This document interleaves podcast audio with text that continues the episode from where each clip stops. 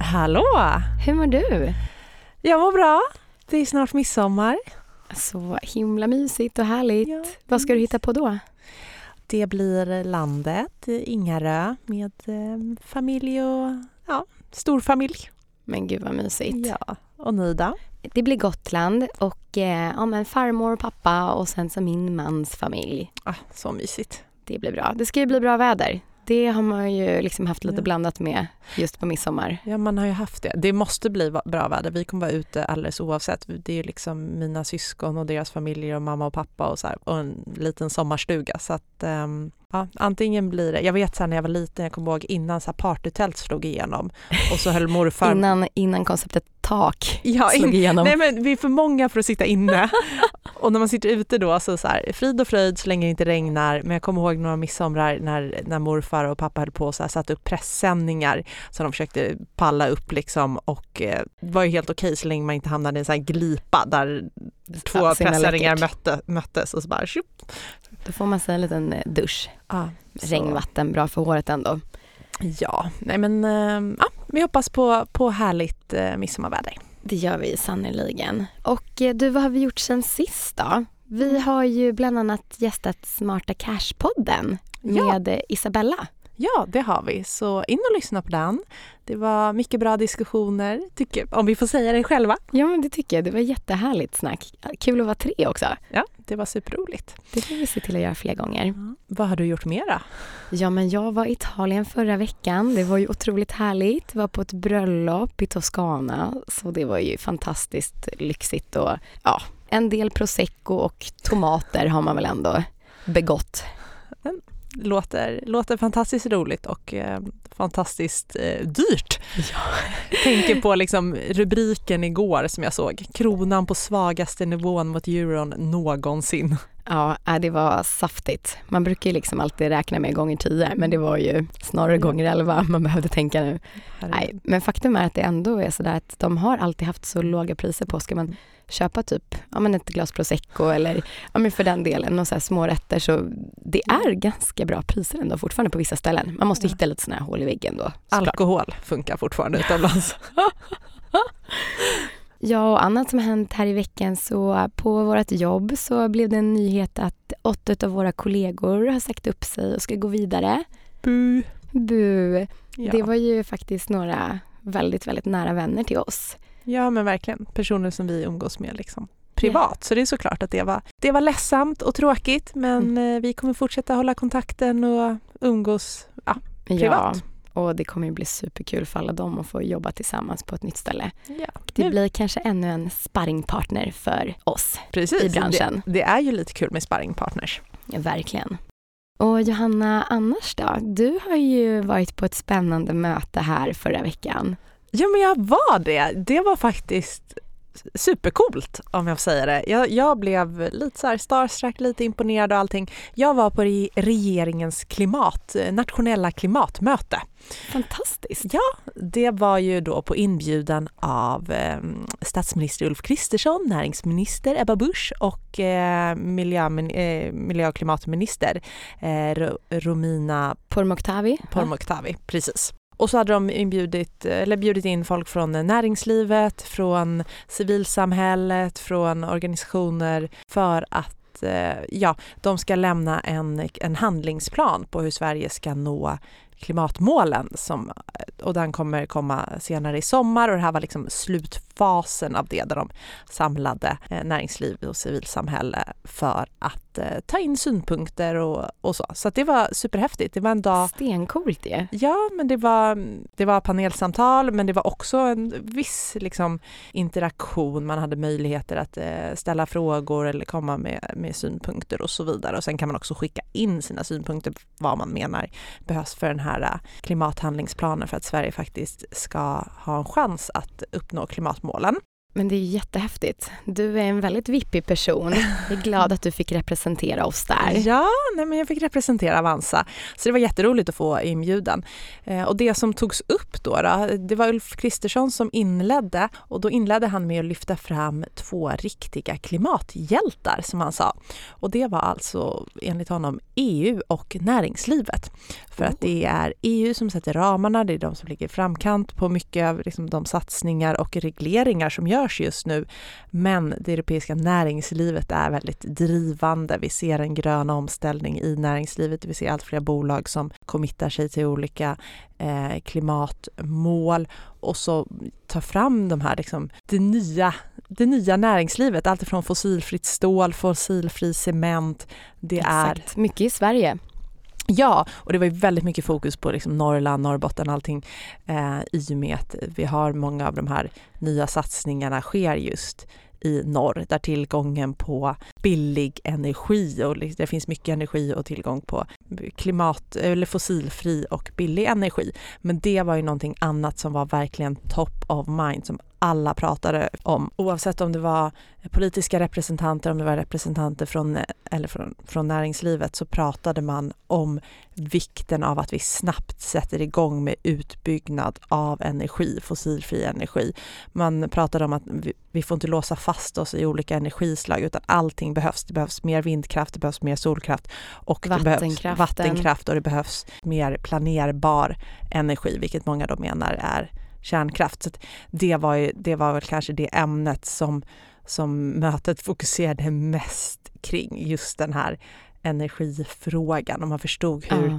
väsentlig den är och hur key det är att det den utbyggnaden sker snabbt. Och även att man liksom ser till att då försörjningen här där vi bor nere i söder faktiskt kanske kan stå lite mer på egna ben kan jag tänka mig. För om nu ska, om nu de där Hybrid och mm. eh, Northvolt och H2, H2 Green Steel, de, deras, de kommer väl ta ganska mycket av den här energiförsörjningen som kommer gå åt till ja. det här omställningsprojektet. Det är inga ja. små fabriker Nej. de har där uppe. Det är inga små fabriker utan behoven är enorma. Eh, så att det var det var verkligen en fråga. Sådär.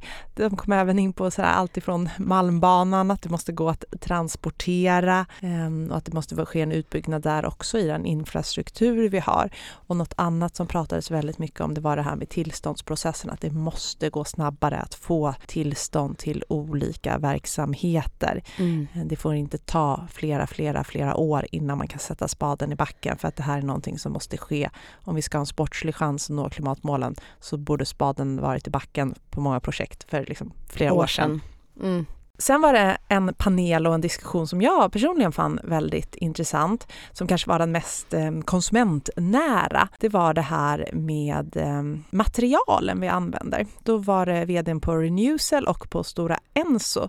Renewcell är ju då ett bolag som återvinner klädfiber och gör Aha. nytt tyg av det så att säga. Och Stora Enso, liksom skogsbolaget, pappersmassa ehm, och pappersmaterial. Men de pratade mycket om de material vi använder idag, att det är alldeles för mycket hybridmaterial. Så i kläder kanske 95% bomull, sen kommer det in och polyester 5 eller, mm. eller stan eller vad det är. Och det här gör ju, det här är ju, för det första är det plaster, så det är fossila material. Ja. Eh, som, och det går inte att återvinna när det är de materialen och då blir det att det liksom bränns upp. Och det här det är någonting som jag sen, eller jag har tänkt på det innan, men jag tänkte extra mycket på det nu efter. Jag var eh, jag är på jakt efter så här svala sommarkläder till min mm. dotter i typ 100% linne eller 100% bomull. Det är jättesvårt. Ja. Nu har jag så skannat av eh, Tradera hur mycket som helst men jag var faktiskt också tvungen att gå ut i, liksom, jag var ute och kollade på Kappahl och Lindex, de här vanliga butikerna. Mm. I princip allting så är det polyester ja, också. Mm. 5-10% polyester, vilket ja, men dels här och nu gör att det blir så varmare och äckligare för när de ska på sig det. Men det gör ju också att det inte går att nu återvinna på samma Nej. sätt. Och det var ju lite, det har ju varit ett litet ämne senaste veckan efter ja, med H&M. H&M's, eh, ja. Just det. Aftonbladet som hade satt spårningsapparater på ett gäng. Eh, på ett gäng hm kläder som de lämnade in till H&M's egna insamling för återvinning och återbruk. Men det var inte som så att, att de här kläderna återbrukades eller återkälldes i Sverige utan de hamnade ju i Ghana och ja, Ja, på, exakt. Här, enorm, på en tipp. På en tipp som gör, ja, den, det förorenar vattnet i det området, det förorenar marken, blir en enorm miljökatastrof för de människorna och de länderna. Plus att det då har tagit sig hela vägen dit på något sätt. Det är ju helt förkastligt. Alltså det, det produceras ju flera hundra miljoner plagg varje år i världen. Vi använder ja. i snitt plagg sju gånger per år, eller per, per gång innan vi, innan vi liksom förkastar plagget. Det är ju det är så en, dåligt. Det är såklart en helt ohållbar användning och det pratade ju också vdn på Renewcell om att alltså, vi ska inte tro att så här, återvinning löser all världens problem utan vi måste ju också ändra hur vi konsumerar och vad vi konsumerar och vilka material vi använder i våra kläder. Så att jag personligen har i alla fall blivit väldigt så här, kolla vad är det för material i plaggen jag köper. Japp. En sista grej från klimatmötet, det var ett medskick som många, inklusive Ulf Kristersson, lyfte. Det var att alla borde bli ingenjörer. Vi har en enorm kompeten- ett enormt behov, skriande behov av ingenjörer i Sverige. Alla bolag vittnade om det. Ulf Kristersson avslutade med att säga alla borde bli ingenjörer. Så att har ni barn där hemma, kör hårt med dem vad gäller matte och den typen Kemi, av ämnen. Fysik. Kemi, fysik. Vi har alldeles för många ekonomer och samhällsvetare. Vi behöver hårdkodade ingenjörer. Wow. Ja, och eh, du är på temat Kristersson där. Ett litet skryt som du berättar för mig, måste du dela med dig av. Ja men ett litet skryt. Jag stod ju då och pratade med honom i några minuter. Han kom fram och knackade mig på axeln. Jag hade varit eh, med i en diskussion där han kom in. Vi var några stycken som stod och pratade. Oh. Det var ehm, eh, Northvolt, eh, alltså batteri, en representant därifrån. Och så frågade Kristersson honom någonting. Ja men du, hur går det med bla bla bla? Och då så vände sig den där representanten från Northvolt till mig och sa ursäkta, kan du, kan du ursäkta oss några minuter? Då hade de hemlisar. Så då fick jag gå undan lite, eller jag gick och ställde mig vid ett annat mingelbord och så stod jag där lite ensam. Och sen efter någon minut då kommer Kristersson fram till mig och sa ursäkta, det var inte, förlåt att du blev bortkörd där. Jag bara nej nej men jag tycker det är bra att ni ligger i framkant här med batteri, batteri sådär. Och sen stod vi och pratade i typ fem minuter innan det var dags för program igen. Alltså fantastiskt. Och du bara, mina ögon är här uppe. Om man inte hade platå.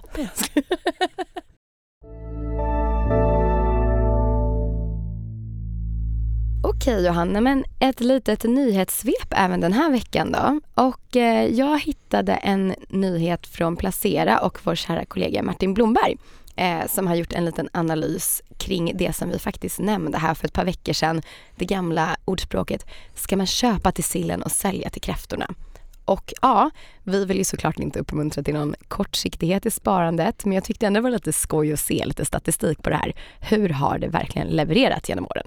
Det visar sig att det här faktiskt stämmer. Och han gick igenom hur Stockholmsbörsens breda index, OMX SPI, har utvecklats dels under perioden då hela juni till augusti, eh, ett mass, massa år tillbaka, men också den perioden som ordspråket faktiskt eh, hårtolkat avser. Och det är 19 juni till 7 augusti. Så det är alltså från midsommar och sen så fram till, ja men det är väl sista veckan på semestern kan man väl säga. Ja, mm. och de här siffrorna, det är väl inte som man liksom trillar av stolen, men om man tittar tillbaka tio år på Eh, om man då tar juni till augusti, då har man fått en avkastning på 1,3 procent. Men tittar man på just den här midsommarperioden till början av augusti så var det 2,9 procent de senaste tio åren. Så det var ändå lite högre helt enkelt. Så det kanske ligger något i det. Tittar man på en längre period tillbaka till 96, alltså 27 år, då var siffran istället att det faktiskt var minus 0,3 procent juni till augusti, men ändå då 0,8 från midsommar och till den 7 augusti. Så det ligger ju alltså någonting i det här. Och ja, men om man struntar i de här säsongsmönstren istället och tittar på en långsiktighet så har han också jämfört hur har det sett ut alla enskilda helår och där sticker ju siffrorna ut såklart mycket mer. Det är också för att det är en längre period. Men eh, om man tittar genomsnitt 10 år så har börsen gått upp 9,9 procent och tittar vi tillbaka 27 år så har den gått upp 11 procent per år. Så vill man inte försöka och liksom tajma in någonting i vanlig ordning så är ju det en stark siffra som uppmuntrar till att man ska spara långsiktigt. Ja, och de här siffrorna de belyser ju också återigen, vi använder ju ofta 7% per år i genomsnitt som någon slags eh, proxy för vad man kan förvänta sig. Och det är ju faktiskt i underkant, så i många så här mm, mm, räknemodeller mm. så räknar man lite lågt men det finns ingen anledning att ta ifrån tårna och sen är vi inte helt rationella, vi kanske håller på och köper och säljer och så vidare. Så det kanske är mer, snittpersonen kanske får typ 7% för man har inte slaviskt följt börsen och index bara. Men Hade kan... man investerat ja. i tio år utan att röra någonting, då hade det varit 9,9 procent på så... Stockholmsbörsen. Sitt på händerna. Yes. Ja men och sen en annan nyhet då som vi har ju berört ett antal gånger där med våran kära börs, hur det går och inflation och räntor. Och Danske Bank i alla fall, de kom med ett litet ljus i tunneln och säger att Sverige tack vare överraskande stark ekonomisk tillväxt undviker en recession i år. Sverige väntas enligt prognosen gå in i en period som är lite svag, men ändå med en positiv tillväxt. Och det betyder att vi alltså slipper en recession. Och vad innebär egentligen då ordet recession? Jag tänkte bara vi skulle dra det. I nationalekonomisk mening så betyder recession att det blir en avmattning i ett lands ekonomiska utveckling. Och tecken på att ett land är i recession det är att BNP-tillväxten, alltså bruttonationalprodukten, den har stadigt minskat i ett halvår eller mer. Så det är liksom definitionen. Och då är vi alltså inte där. Och enligt dem så kommer vi inte ens komma dit. Härligt.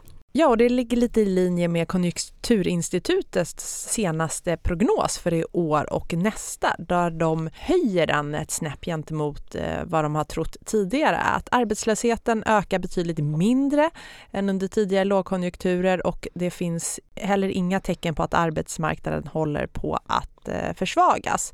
Så att Eh, de var också lite mer positiva än vad de var tidigare. Man tror att inflationen kommer att minska under andra halvåret 2024 och då ligga under Riksbankens inflationsmål. Så man får stå ut med de här lite högre räntorna i ungefär ett år till och sen borde det bli dags för lite räntesänkningar enligt deras prognos. Ja, det får vi verkligen hoppas. Den här på danska, jag tror att eh, räntan kommer höjas både nu på junimötet men också i september och då landar någonstans på 4% Jag vet inte om det är konsensus men det är ja. Styr, styrräntan då och så mm. får man lägga på lite på våra egna boräntor. Just det. Och du, när vi pratar om det där med styrräntan så jag måste bara säga en till grej om vi ska prata definitioner. I Alltså överallt när man kollar på sådana här nyheter så brukar man prata om att, om att centralbanker världen över har en hökaktig blick eller att man har en hawkish view.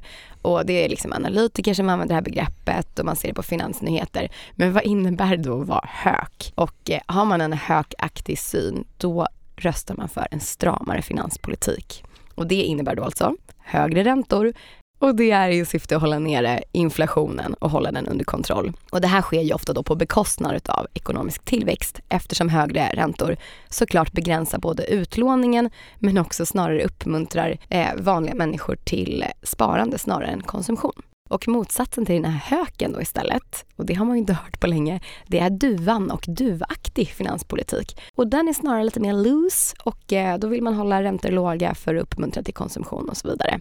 Och kanske snarare sprida på inflationen.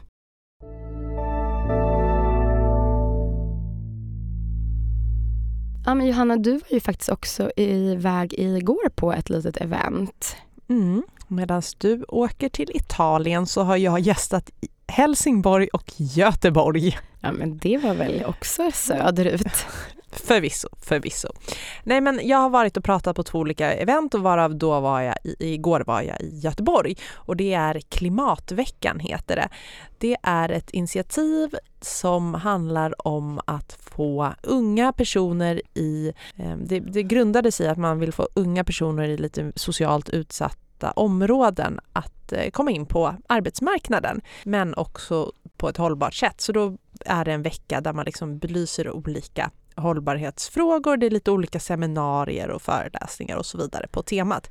Och då har jag varit där och pratat om hållbar privatekonomi och hållbara investeringar. Och igår i Göteborg så fick jag en hel del eh, frågor från publiken, vilket var superroligt. Så jag tänkte att vi kanske kan dra några av de frågorna här, för det är ofta som så att har en en fråga så är det ofta fler som har samma fråga. Och ja, vad bra. en fråga då som faktiskt dök upp både i Helsingborg och Göteborg och som ofta kommer upp när man är ute och föreläser, det är det här att jag ska köpa bostad om ett, två, tre år. Hur ska jag spara nu? Och ja, jag vet att det inte är speciellt roligt att spara på sparkonto. Man kan inte förvänta sig speciellt mycket även om man idag kan få några procent per år i ränta så är det ju ingen, det är ingen life changer sådär. Men å andra sidan, ska du köpa en bostad om två år, du kan inte vara säker på att börsen har stigit under de här två åren. Och du vill ju inte se din liksom, kontantinsats bli en halv kontantinsats, så att det snarare blir ett attefallshus när du hade tänkt dig ett litet radhus. Så att, Exakt. Eh, då är det liksom sparkonto som gäller. Ja. Jag säger inte att man att man måste sälja precis alla pengar man har på börsen idag om, om du ska köpa om två, tre år. Men man bör väl börja tänka på att liksom hur mycket jag är redo att förlora. Hur, hur mycket jag är redo att förlora, precis. Hur tajt är mina marginaler? Är det supertajt, ja men då ska de ju vara på sparkonto. Är man lite mer sådär lös i kanterna, dels på vad man ska köpa och hur mycket man måste ta av sitt egna kapital och så, men då kan man väl ha mm. kvar en bit på börsen. Men om det är så här, de här 300 000, de måste jag ha om två år. Exakt. Ja, men, det kanske man inte gamblar med då. Nej, då ska du inte gamla med dem. Men är det mer lös i köttet, lös i kanterna, då, då har du ju andra möjligheter med huvudregeln. Ja men super, vad bra. Och sen så tycker folk om att jämföra sig med varandra. Och då är det ju en ständig fråga, hur, men hur mycket ska man månadsspara? Hur mycket ska jag spara? Och då så ser vi ju att eh, av de som har ett månadssparande, alltså ett automatiskt månadssparande, så ligger det på omkring 2300 kronor i månaden som människor då automatiskt för över. Där vi jobbar? Ja, där vi jobbar. Eh, tittar man på, alla har ju inte ett automatiskt månadssparande utan för ju över liksom manuellt själva och då är det faktiskt lite högre än det. Så att där vi jobbar, det är högre än det här eh, som man har pratat om tidigare, men 500 kronor i månaden och så. Men ska sägas, har man bara möjlighet att spara 100 500 kronor, 1000 kronor i månaden, jag vet inte, då är ju det bra. Så man måste ju utgå från sina egna förutsättningar. Men om vi ska titta mm. på, på snittet hos oss, eller medianen hos oss, så ligger den på omkring 2000-2300 där, eh, lite beroende på åldersgrupp och så. Just det. Och ett annat spar är ju också i vanlig ordning det här med att amortera Ja. Det kanske är fler som gör det nu för att inte ha ja. så mycket kvar på bolånen med ja. de höga räntorna. Precis, och det blir ju som en form av räntespar i och med att du sänker din ränta. Som man då istället betalar. Ja, så att amortering har väl blivit mer attraktivt nu än vad det var för ett par år sedan när räntan var i princip ingenting. Exakt, det var kanske då man skulle ha passat på. Men det är väldigt lätt att vara efterklok har man lärt sig. Det är otroligt lätt att vara efterklok.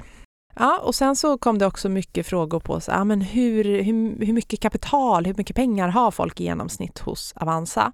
Och om vi tittar hos oss då så är ju den genomsnittliga avansianen 40 år, bor i Stockholm och eh, snittkapitalet uppgår till 378 000 kronor och mediankapitalet till 36 000 kronor. Så det är ganska stor skillnad där. Och tyvärr finns det ju liksom ingen data på vad snittet är i Sverige utan av de här eh, som har pengar hos oss har ju många pengar också eh, någon annanstans. Man kanske har fler banker och så vidare. Så det är lite svårt att säga vad, vad det är exakt. Men ser vi hos oss, genomsnittet 378 000, mediankapitalet däremot eh, 36 000. Så att det är ju ja, det är en stor spridning, så kan man väl säga.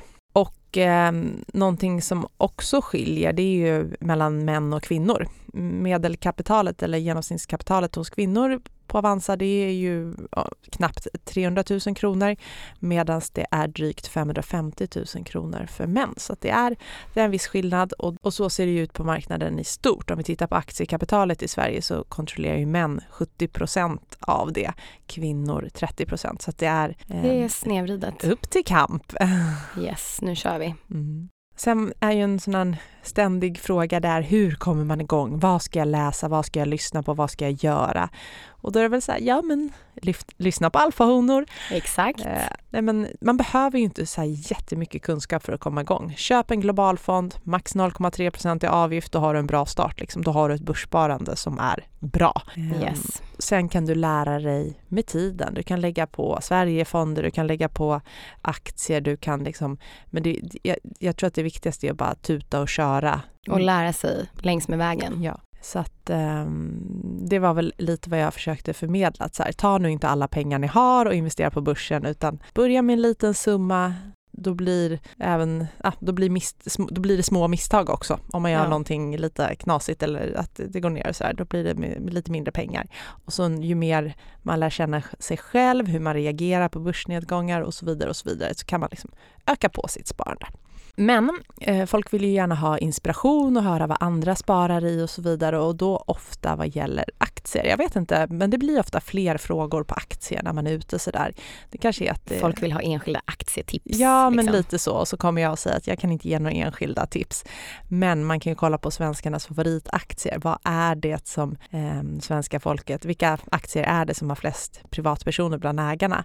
Då är ju det Investor, Telia, Ericsson, Volvo, Swedbank, SEB, SBB, H&M, SSAB och Industrivärden. Och där kan man väl säga... Riktigt eh, heta.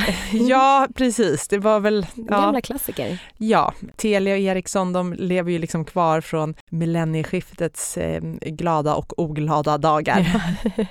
Nej men IT-kraschen där och ja, Telias notering.